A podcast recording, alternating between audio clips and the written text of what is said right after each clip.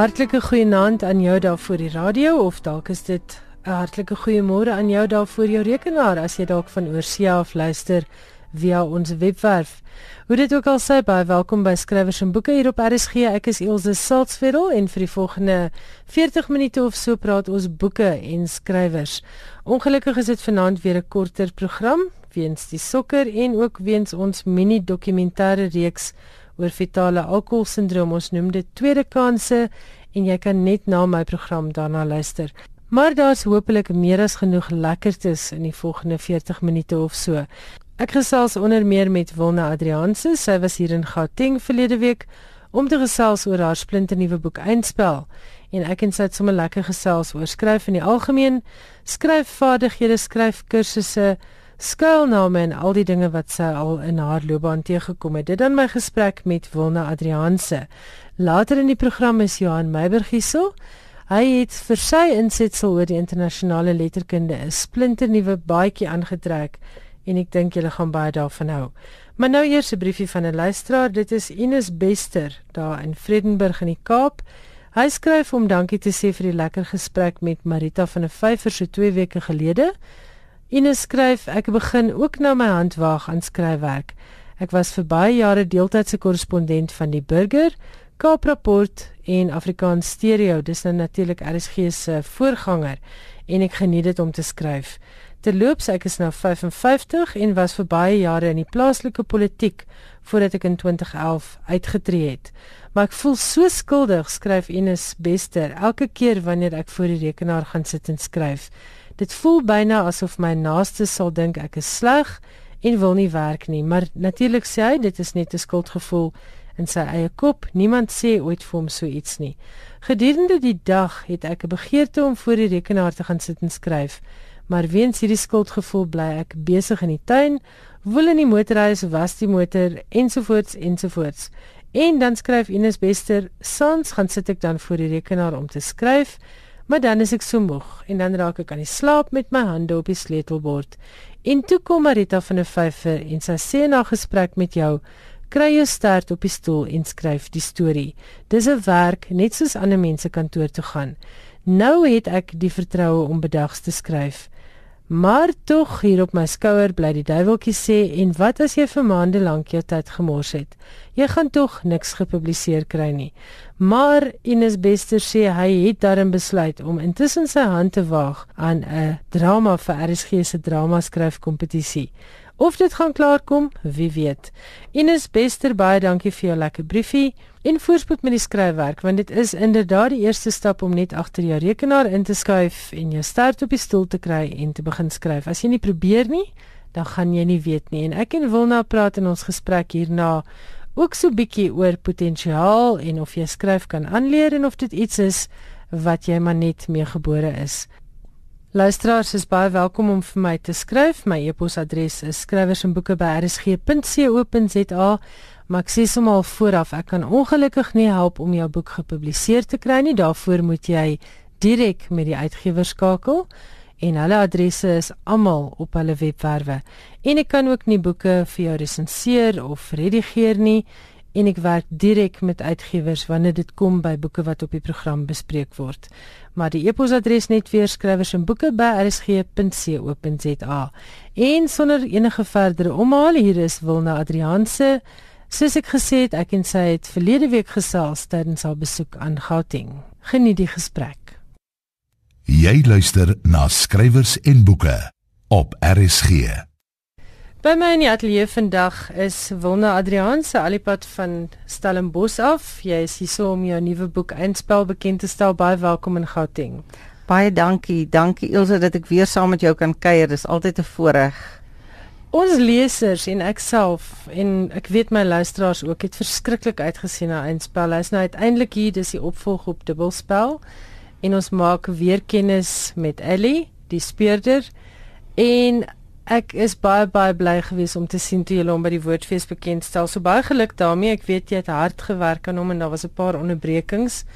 Gaan dit nou goed met die met die um boek op die rakke? Hy so maand terug bekend gestel? Ja, die eerste bekendstelling was by die woordfees gewees En ons het nou 'n uh, bekendstelling in Durban wil gehad verlede week en gisteraand in Bloemfontein en dan vanaand en môre is ons in Pretoria met die boek, maar dit dit lyk vir my almal het nou net lank genoeg gewag. Jy weet so hulle het dadelik ek dink die wat uh, nog 'n bietjie sou gewag het dat 'n suster of 'n maam eers klaar lees het nou maar eintlik hulle eie kopie gaan koop. Goed. Ja, so, so dit, dit die wag het dit lyk dit vir my 'n bietjie gehelp.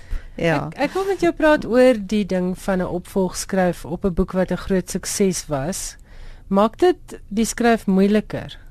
Die verwagting wat jy nou geskep het met die eerste boek. Ja, ek ek het nogal gevind vir my was dit moeilik geweest want jy kry mos nou terugvoer van jou lesers. Jy weet, jy weet waarna hulle uitsien. Jy weet wat is hulle verwagtinge nou.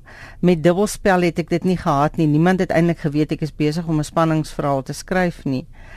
En met eindspel was ek baie bewus daarvan dat hulle wag vir iets die storie moet 'n baie interessante draai nou gaan maak. So dit was vir my party daar asof ek amper so bietjie verlam was met die idee van jy weet hier is 'n klomp verwagtinge vir die boek. En ek het altyd gesê ek wil nie regtig 'n opvolg doen nie. Jy weet hy moet jy moet 'n baie sterk amper 'n onafhanklike verhaal kan hê en die verhaal moet kan vorentoe gaan. Hy kan nie dieselfde bly nie. So ek was ek was bly toe eindspel op die ou einde sy draaie gemaak het en ek hom kon klaar kry. Was die skryfproses dan anders? Dink jy want eh, ek weet julle almal sê die karakter kom meld aan en die storie kom meld aan. Omdat jy nou opvolg moes skryf met sekere verwagtinge was daai proses nog so natuurlik en so suiwer of het jy het die druk van lesers bietjie deurgesyfer na die proses ek weet nie of die druk deurgesyfer het nie. Ek was net baie bewus daarvan dat hierdie boek moet 'n sterk boek wees in die sin dat die, jy kan nie net dieselfde verhaal van dubbelspel vat en hom net so bietjie ek wil nou die woord tweak gebruik en dit dan opdis nie. Daar moet groei wees, daar moet vordering wees. Dis nie nuwe karakters wat uh, weet inkom nie daar's hier en daar 'n nuwe karakter, maar nie regtig 'n groot nuwe karakter nie. So ek was baie bewus daarvan dat die karakters wat ek het, daar moet met hulle iets gebeur. Hmm. Hulle moet aan die einde van die dag hierdie storie dra en aan die einde van eindspel moet die leser kan voel hulle die karakters nog beter leer ken. Die verhaal het 'n soort eindpunt bereik, mm. die hmm. verhaal van Nick en Ellie en dan nou al die ander karakters. So ek dink ten opsigte van dit was dit vir my anders gewees. Dit is nie soos 'n karakter kom meld aan en jy leer ken hulle vir die eerste keer nie. Ja, want jy het ook nou boonop 3 jaar met haar en langer ja. as 3 jaar. Jy dubbelspel se skryftyd en eindspel se skryftyd wat min of meer 2 en 'n half jaar was, ja. nou, met hierdie mense saamgeleef. Ja, nee, hulle is nou al lank in my huis. So was die afskeid moeilik. Ek dink ek het nog nie heel afskeid geneem nie want ek het gister het ek op die N2 gery en daar's 'n toneel wat op die N2 afspeel en toe ek daar verby ry, jy weet, het ek so 'n gevoel gekry. Ek het so asof ek met hulle wil praat, jy weet, en so 'n bietjie vir hulle wil herbesoek en sê hoe gaan dit met hulle. Ek dink as ek 'n volgende verhaal begin, sal hulle nou so 'n bietjie na die agtergrond toe gaan. Jy het verskeie genres al besoek met jou skryfwerk. Jy het begin was ek verras om na die dag by jou te hoor onder 'n skuilnaam as 'n skrywer van liefdesverhale. Nou wil ek weet, hoekom die skuilnaam? My heel eerste verhaal wat ek geskryf het, uh, ek dink ek het 3 onder 'n skuilnaam geskryf. Ek kan nou self ook nie onthou nie. 3 of 4, ja. ja. Ja. Maar die rede vir die wat het gekom met die eerste een Ek het net hierdie een verhaaltjie gehad wat ek lus was om te skryf oor 'n liefde tussen die Bolandse wingerde en ek was bang mense vra vir my of ek nou dink ek kan 'n skrywer wees. So ek het besluit as ek as dit onder 'n skuilnaam is, dan gaan niemand weet nie. nie. en dit jy weet dit was regtig net so prakties soos dit. Ek het nie eers iets groots daarmee beplan nie. Ek het gedink dis hierdie een verhaal en as hy klaar is gaan niemand my vra. Jy weet wat het nou gebeur of het ek nou regtig gedink ek kan skryf of wat dit ook al is. So jy het dit eintlik nie gedoen vir die rede hoekom ek dit sou doen nie. Ek sou dalk juicy goed wou skryf of geheime wou uitlap en nie wou hê mense moet weet dis my boek nie. Jy het net gevoel jy wil dit as dit dan nou 'n mislukking is, jy wil nie 'n verwagting skep nie. Ja. Nee, dit was so dood eenvoudig soos dit. Ek het in elk geval geweet my ma gaan dit waarskynlik lees. Jy weet so, ek het geweet wat ek ook nou al daar skryf, dit gaan iemand gaan weet dit was ek gewees. Maar ek wou net nie gehad het die wêreld moet vra. En wat het jou ma gesê? sy was eintlik um, oor die algemeen heel gelukkig. Sy ag jy weet mos hoe se ma, jy's so ondersteunend en my ma was vreeslik ondersteunend geweest. Met dubbelspel het ek haar gewaarsku, moenie dit lees nie. ek ken haar. Ek weet dit gaan dalk vir haar bietjie so moeilik wees dat haar dogter daai genre betree.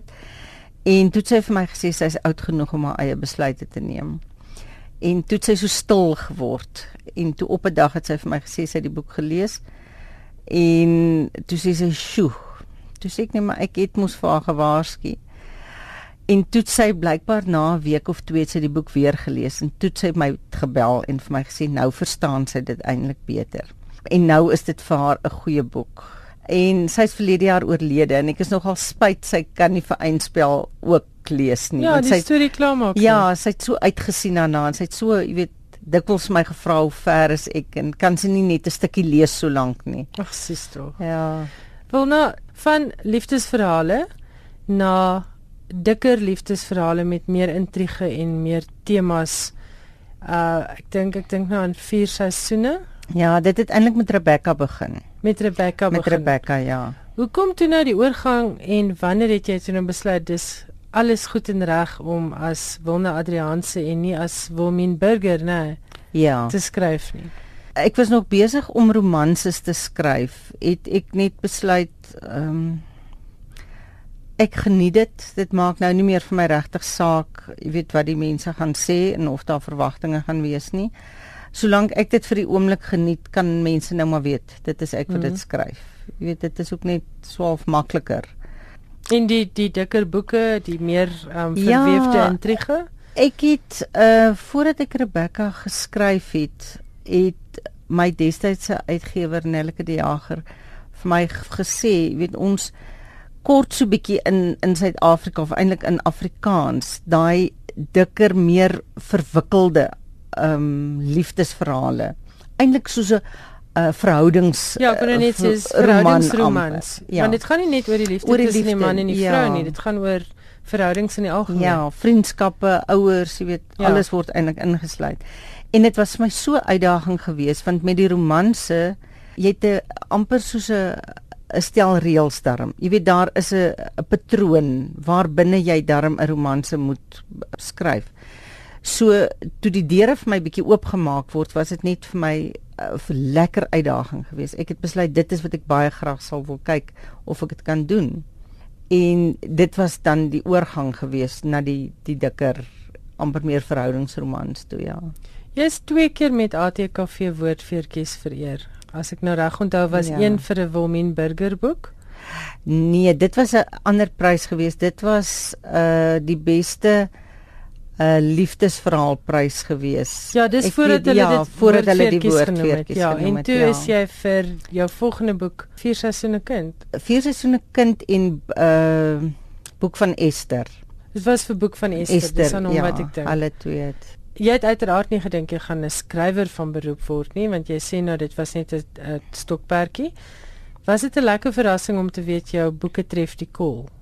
Ja, ek dink dit is altyd lekker as 'n mens iets ontdek wat so gevoel van tevredenheid by jou bring van hierdie is regtig wat my opgewonde maak natuurlik is dit ook harde werk maar jy's nog steeds opgewonde daaroor en ek dink dit is soos ek voel dit maak my soms moeg party daar dink ek jy weet het ek nog enige storie in my maar dis nog steeds iets lekker ek hou van stories vertel ek hou net van stories. Ek dink daar is so magiese krag in stories. Dis asof ek nog steeds my kleintyd fantasie uitspeel, want toe het ek so stories vir myself vertel. Intussen watse werk het jy gedoen nadat jy gestudeer het? Nadat ek gestudeer het, het ons 3 en 'n half jaar by die kommissaris-generaal se kantoor in Giani, wat die, die destydse Gazankulu was, gewerk en toe ek daar klaar maak is die eerste baba gebore en toe het ek kinders grootgemaak. Het jy kinders grootgeword? Ja. Jy skryf eintlik oor jou lewe in 'n klein lewe wat ook ja. die resultaat was van jou meestersgraad in kreatiewe skryfkuns. Dit was onder Etienne van Heerden, ja. né? Hoekom toe nou 'n biografiese boek? 'n Pragtige boek terloops, ek het dit verskriklik geniet om saam met jou op jou lewenspad te stap. Was dit maar net 'n logiese uitvloeisel van die skryfkursus? Op daai stadium het ek 10 jaar geskryf. Ek het gevoel ek kry hierdie een geleentheid om saam met iemand soos Etienne te werk. En ek wou eintlik net dit was asof ek wou op my kop staan en 'n storie op daai manier vertel. Ek wou gekyk het of ek iets heeltemal anders kan doen. So dit was 'n uitdaging aan jouself. Dit was 'n uitdaging aan myself. Ja, ek het gedink dit is die ideale geleentheid. As ek dit ooit wil doen, is hierdie die die geleentheid om dit te doen. Ek spyne skieurig oor hierdie M in kreatiewe skryfkuns. Dit lewer vir ons pragtige boeke in Afrikaans op, dit moet ek dadelik sê, maar ek wil weet, is skryf daarna makliker of moeiliker? Iemand het nou die dag vir my gesê eintlik moeiliker want nou hy bewus van al die slaggate. Ja. Ek wil ook vir jou sê vir my was dit eintlik moeiliker, die uitdaging aan jouself word groter want jy weet jy ken die slaggate beter nie dat mense dit altyd jy weet raak sien of onthou nie jy maak nog steeds die foute, maar dit is asof jy 'n groter uitdaging aan jouself stel met die boeke wat jy daarna skryf. So jy stel jou eie standaarde hoër. Ja. Ek weet nie of jy ook daarin lê nie, maar ek weet van baie skrywers wat dan net maar uiteindelik alles delete en van voor af begin. Het jy dit al ooit gedoen? 'n Hele verhaal uh, uitgevee ja. en dan van voor af begin. Of was die versoeking in die skrywersblok nog nooit so groot nie? Ek het al baie groot dele uitgevee. Nee, ja. dit is verseker, maar ek het nog nooit nooit 'n hele een uitgevee nie. Maar daar kom tye wat jy 'n stuk skryf, dit dit, dit is soms bladsye lank wat jy aan die einde net besluit dit werk op geen manier nie, jy weet, en dan vee jy maar net uit. Jy, weet dit soos bloed en trane om dit te doen, maar jy weet dit is nie goed genoeg nie. So seker soos om jou hondjie weg te gee, né? Dink ek, is al vergelyking wat ek kan dink. Nou wil ek vir jou vra die oorgang na misdaadverhale, was dit 'n natuurlike ding of was dit deel van hierdie proses om jouself die hele tyd uit te daag? Ek dink 'n deel was, jy weet, die proses van jouself uitdaag om te kyk wat jy kan doen en ek is bevoorreg dat my uitgewer my toelaat om dit te doen. Maar die die oorgang was eintlik baie meer natuurlik as wat ek uh, dit beplan het. Toe die karakter min of meer, jy weet, by my aankom en en ek besef hier is 'n storie aan die broei en ek 'n paar dinge hoor oor die misdaadwêreld was dit net vir my dit is die volgende verhaal wat ek wil skryf. Ek het eintlik nie gaan sit en dink aan die implikasie van jy is besig om nou weer 'n sprong te maak na 'n nuwe genre toe nie. Ek het 'n speurder in die Suid-Afrikaanse Polisie diens. Ek het na hom toe gegaan om ek wou gehad het hy moet kyk dat ek nie dinge skryf wat nie kan gebeur nie. Ja, want dit is nogal belangrik. Dit is he? belangrik en in ons eerste gesprek het ek agtergekom ek is eintlik maar net weer besig met 'n verhoudingsroman want dit is ook net mense. Die agtergrond is bloot anders. Die die die die doek waarteen hierdie verhaal ja. is net 'n ander doek. Ja. Maar dit bly nog steeds mense en dit is wat my interesseer. Dit is elke keer wat my in 'n wip vang, jy weet, hierdie menslike interaksies. Ja, en uiteindelik is daar Ellie en Nick, maar daar's die misdaad, die onderwêreld. Daar's die redes hoekom mense daarin beland en nie daar kan uitkom nie. Daar's die verhoudings wat hulle binne in daai onderwêreld hou. Daar was ouerskap, Ellie en haar ja. pa. So dit is uiteindelik nog steeds soos jy sê 'n verhoudingsroman. Die plek en die agtergrond is net anders en die die hele idee dat ek as skrywer wou nie die oordeel maak oor wie is die slegte mense en wie's die goeie mense nie want ek dink daar's iets van alles in almal. Ja, dis waar. Jy weet so ek wou graag die karakters skets soos wat ek hulle sien en soos wat ek dink dit in die lewe is en dit dan vir die leser oorlaat om te besluit. Jy weet vir wie ontwikkel hulle 'n gevoel en vir wie nie. Ek was verras toe ek eintlik naby die einde van eindspel kom en ek besef vir wie ek 'n gevoel ontwikkel. Kan ek weet raai? wat ek nie jy kan raai. Ek het baie simpatie gehad met die jong meisie wat die dwelmbaas se meisie was. Ja. Ek het vir haar vreeslik jammer gevoel want ek besef ook hoekom land mense in sulke omstandighede. Ja, sy was een gewees en die prostituut Brenda Ja. en die koerantverkoper Happy en dan selfs Nazim Williams die Kaapse vlakte ja, baas. ja, ek het van hom baie gehou. Op die ouend het ek besef dis werklik waar iemand van wie ek hou. Ek ek het 'n soort empatie vir hulle ontwikkel. Dit was nogal vir my interessant toe ek dit agterkom. Gebeur dit dikwels in 'n boek dat dat jy jouself verras met die toegeneentheid wat jy in se karakter ontwikkel. En uh, op dieselfde tema 'n vraag is daar karakters wat jy soms beplan om A te doen, maar uiteindelik eindig hulle by Z en jy sit terug en jy dink hoe dit gebeur. Ja, dit gebeur nogal baie. Ek probeer om nie met te veel vooropgestelde idees 'n karakter te skep nie. Want dis vir my lekker as ek agterkom die karakter is besig om my te verras. Dit voel vir my net dit is vryer teels.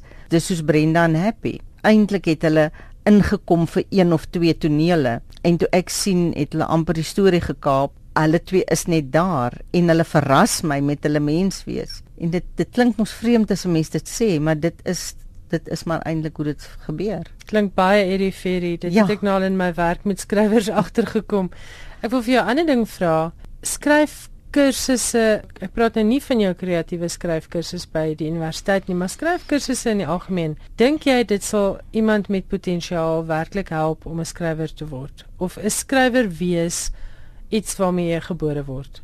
Daai is vir my altyd 'n baie moeilike vraag om te antwoord, want as ek sê jy word so gebore, dan almal wat jy weet hoop om eendag 'n skrywer te word, is ek besig om te diskwalifiseer en aan die ander kant as ek dit sê, dan is daar dalk mense wat hoop het wat nie. Ek glo jy moet 'n sekere soort ek wil nou sê potensiaal, maar daar moet iets in jou wees van 'n storieverteller, van 'n woordmens, van om te begryp dat wat woorde is en wat dit kan doen.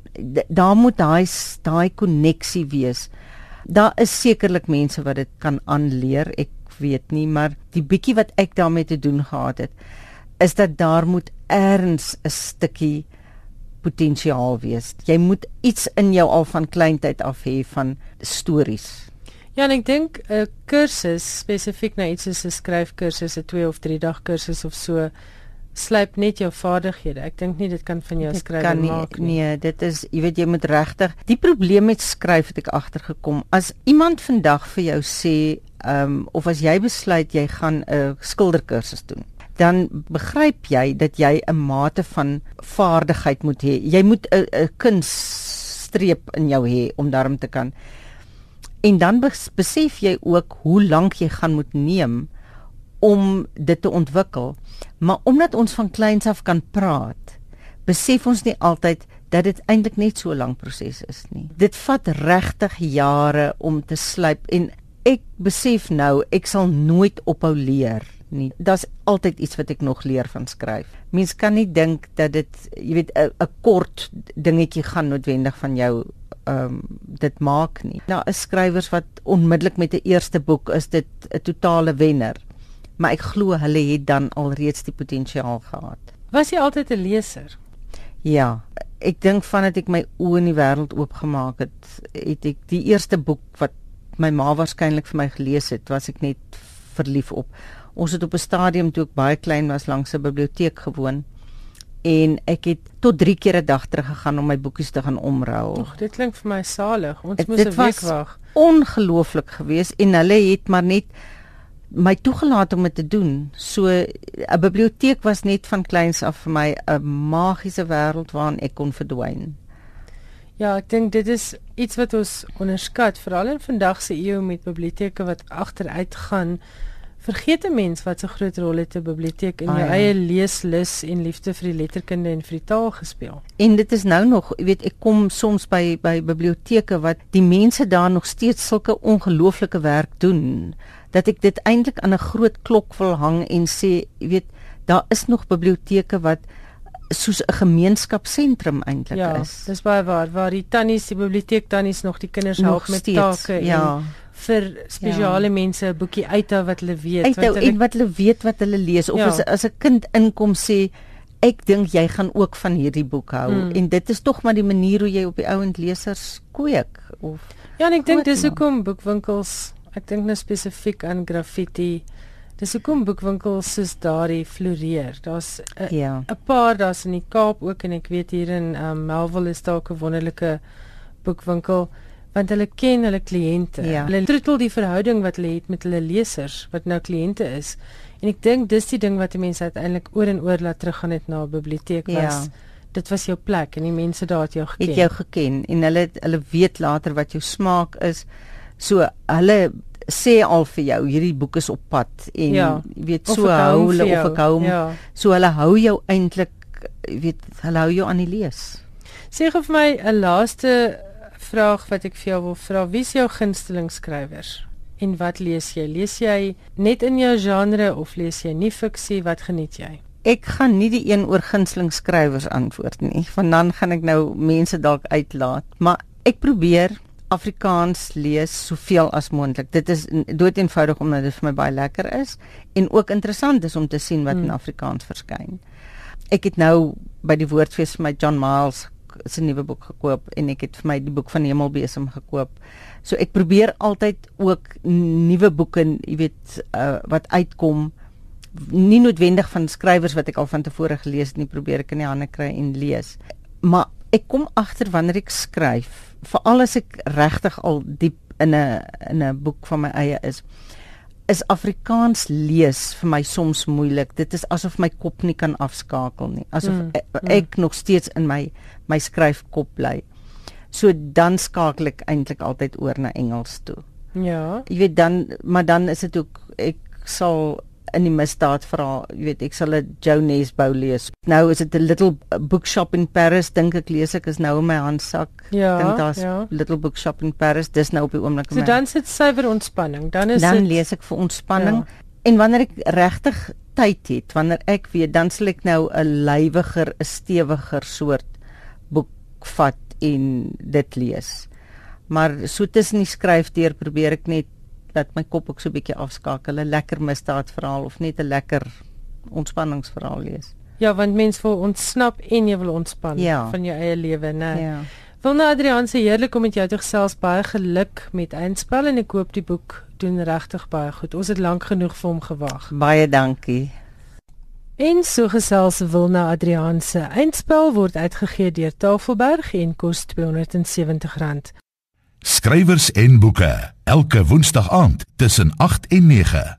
Jan Meiburg, baie welkom by my in die ateljee. Jy het vanaand vir ons iets oor skrywers uit Afrika of verhale uit Afrika. Kortverhale uit Afrika. Dis reg. Migrations New Short Fiction from Africa. Die bloemlesing met kortverhale wat in aanmerking gekom het vir die 2017 Short Story Day Africa Prys is nou beskikbaar in Suid-Afrika by sekere boekwinkels en later in die jaar van 12 September aanlyn by www.loot.co.za. Die bundel is saamgestel deur Efimia Chela Mbongani Kona met Helen Moffat as mentor. Die samestellers het uit die meer as 450 inskrywings vir die jaarlikse kortverhaalwedstryd 21 verhale byeengebring. Soos die titel aandui is mense se beweging in 'n tyd van geopolitiese skuwe en verandering die oorkoepelende tema 'n tyd waarin mense onder meer gedwonge reise moet onderneem. Onder die 21 is gevestigde skrywers soos Arya Salafranca, Laurie Kubutsile, Fred Kumalo en Karen Jenkins, maar ook nuwe stemme, die van TJ Benson, Megan Ross en Sibongile Fisher, wenner van verlede jaar se kompetisie met haar kortverhaal A Door a Jar. Benewens die heel wat Suid-Afrikaanse skrywers wat sukses behaal het, is dit veral kortverhaalskrywers van Nigerië wat sterk verteenwoordig is in die bundel. Short Story Day Africa of SSDA is 'n klein organisasie in Kaapstad wat ten doel het om op verskeie maniere die liefde vir lees en skryf van fiksie in Afrika te bevorder. Omdat ons iets vir die wêreld te vertel het oor ons in ons eie woorde soos SSDA op sy webwerf dit stel. Vanjaar bied SSDA vir die 5de keer sy kortverhaalwedstryd aan en die tema vir vanjaar is idee soos 'n identiteitsdokument maar dan ook met verwysing na Freud se id. Inskrywings open op 1 Junie, insluit op 31 Julie. Vir meer inligting is die webwerf www.shortstoryDayAfrica.org die aangewese plek. Is die kortverhaal besig om 'n vaste plek te kry op die Afrika vasteland? Dit wil tog so lyk. Daar is mense wat praat van die goue eeu van die Afrikaanse kortverhaal wat besig is om te ontvou. Dalk nie in terme van verhaalbundels op rakke van boekwinkels nie, maar wel in gedrukte publikasies soos Jungle Jim, Proofrock, Chimurenga, Guillotine en Aerodrome wat almal boonop 'n stewige aanlyn teenwoordigheid het. Alexander Matthews, die man wat Aerodrome in 2013 begin het, vertel dat hy oorval word deur kortverhale van oral in Afrika, veral van Wes-Afrika en in besonder Nigerië. Volgens Matthews het lesers behoefte aan kortverhale wat 'n vinnige verposing van die werklikheid bied. Eweso is dit vir skrywers haalbaarder om 'n verhaal van 4000 woorde te skryf eerder as om 'n roman aan te durf. Die kortverhaal leen hom daartoe om te eksperimenteer en om vignette vas te vang. Die kersie op die koek vir kortverhaal skryf in Afrika is seker die Kainprys wat in die omgangstaal al die Afrika Boeker geword het. Verskeie wenners en skrywers wat die kortlys van die prys gehaal het, het later gevestigde skrywers geword. Mense soos Helen Habila, Yvonne Adjambo Awor en No Violet Bulawayo. Verlede jaar het die Suid-Afrikaner Lidudu Malingani Mkomboti die prys ter waarde van net minder as 150 000 rand verower met sy kortverhaal Memories We Lost. Ek het nou die dag met 'n skrywer gepraat wat sê sy sal enigiets skryf, maar sy sien nie kans vir 'n kortverhaal nie. Ek dink baie keer onderskat mense die die subtiliteite en die omvang en die harde werk wat in 'n kortverhaal ingaan. En dat dit so gekonsentreerd is. Ja, en dit is 'n ding wat ek weet baie kortverhaalskrywers wat pryswennende skrywers is oor en oor en oor skryf. Hmm. Hulle slyp gedurig aan hom. Dis presies so. Dis nie dit, baie mense sê jy skryf eers 'n kortverhaal en dan 'n roman. Ek vermoed ek vermoed jy kan baie daaruit leer, maar dis nie te sê dat dat jy van die een aanbeweeg na die ander nie. Ek ek dink hoe genaamd nie. En ek dink ons moet onderskei tussen 'n tydskrif kortverhaal en 'n wen kortverhaal van hierdie statuur. Ek dink daar's 'n groot verskil. As literêre genre. Ja. ja. Goed, wat's volgende? Matthias Enard, die Franse skrywer wat op die langlys is vir die Man Booker International vir sy Compass, vertaal deur Charlotte Mandel, het pas die Leipzig-prys vir Europese begrip ontvang. Die prys is een van die belangrikste literêre pryse in Duitsland. En Enar se boek is uitgesonder vir sy bydrae tot kruiskulturele begrip in Europa, veral met betrekking tot die gemeenskaplike erfenis wat Europa en die Midde-Ooste deel. In die boek opgedra aan die mense van Sirië, bepleit Enar oop grense in Europa in 'n tyd van opkomende anti-immigrante populisme. Die 45-jarige Enar is onderlê in Persies en Arabies en het lank in die Midde-Ooste vertoef. Hy woon deesdae in Barcelona. Sy twee ander romans wat in Engels vertaal is, ook deur Mandel, A Zone van 2010 en Street of Thieves van 2014. Die laaste bydra, die Nederlandse historikus Rutger Bregman het die wêreld aan die gons met sy jongste boek wat nou in Engels vertaal is as Utopia for Realists. Die boek het in 2013 in Nederlands verskyn as gratis geld vir iedereen. Dis nie die tradisionele soort topverkoper nie. Met volop gevalle studies en grafieke sou 'n mens dink dis die klassieke Nismark boek. Nietemin is resensente dit eens dat dit uiters toeganklik is en dat die boek gelees moet word. Die een rede is omdat die boek so goed geskryf is en die ander omdat Bregman die vinger lê op die opkoms van regse populisme en die mislukking van linkses om 'n prentjie te gee van die wêreld waarin 'n mens graag sou wou woon. Een resensent het opgemerk: "Die boek lees soos 'n trein wat voortsnel. Dis hoopvol, uitdagend en kreatief." Dis tyd vir 'n basisinkomste vir iedereen. 'n werkweek van 15 uur, 'n wêreld sonder grense in 'n wêreld sonder armoede, voer Bregman aan. Kortom, Dis tyd vir 'n terugkeer na 'n utopie. Welvaart het ons. Visie het ons nie. Die mensdom het dit nog nooit so goed gehad as nou nie. Maar ons weet nie hoe nou vorentoe nie. Die 28-jarige Rutger Bregman word gereken as een van Europa se blinkste jong denkers. Hy het geskiedenis gestudeer aan die universiteite van Utrecht en Los Angeles en op 24 die Liberalesprys verower met sy boek Met 'n kennis van toen. Hy's by twee geleenthede benoem vir die Europese Persprys. Vir Amazon het Bregman kortliks so agtergrond gegee oor sy boek Utopia for Realists, uitgegee deur Bloomsbury. It's time to assume the good in each other. I've got two minutes to remind you of the most fundamental truth of life. Most people are pretty nice. If you start paying attention, you see it everywhere. For every corrupt politician, there are a thousand idealists. For every act of terrorism, there are a billion acts of kindness. Recently, a British study found that the vast majority of the population identify more closely with values such as helpfulness and honesty over money and power. But at the same time, the researchers found that most people also hold other people to be more selfish than they truly are. Why? The answer is simple. Because we're constantly being inundated with bad news about each other. 24-7, the news engulfs us with negative stories, with corruption, hate, violence. Politicians from Washington to Westminster respond by tripping over each other to draft laws predicated on the assumption that people are inherently bad. The result is a bureaucratic surveillance state that brings out the worst in all of us. If you continually treat people like potential cheats or scroungers, criminals or terrorists, you'll soon have yourself believing that's the norm. What you assume is what you get. Now imagine we were to treat people the way most of us really are. Pretty nice, creative, and more than willing to contribute to the common good. It would spark a revolution on our work floors, in our social security, and even in our democracies. Novel policies would start to look like common sense. Policies for autonomous teams freed from top-down management, for an unconditional basic income to eradicate poverty, and for a participatory democracy that empowers its citizens.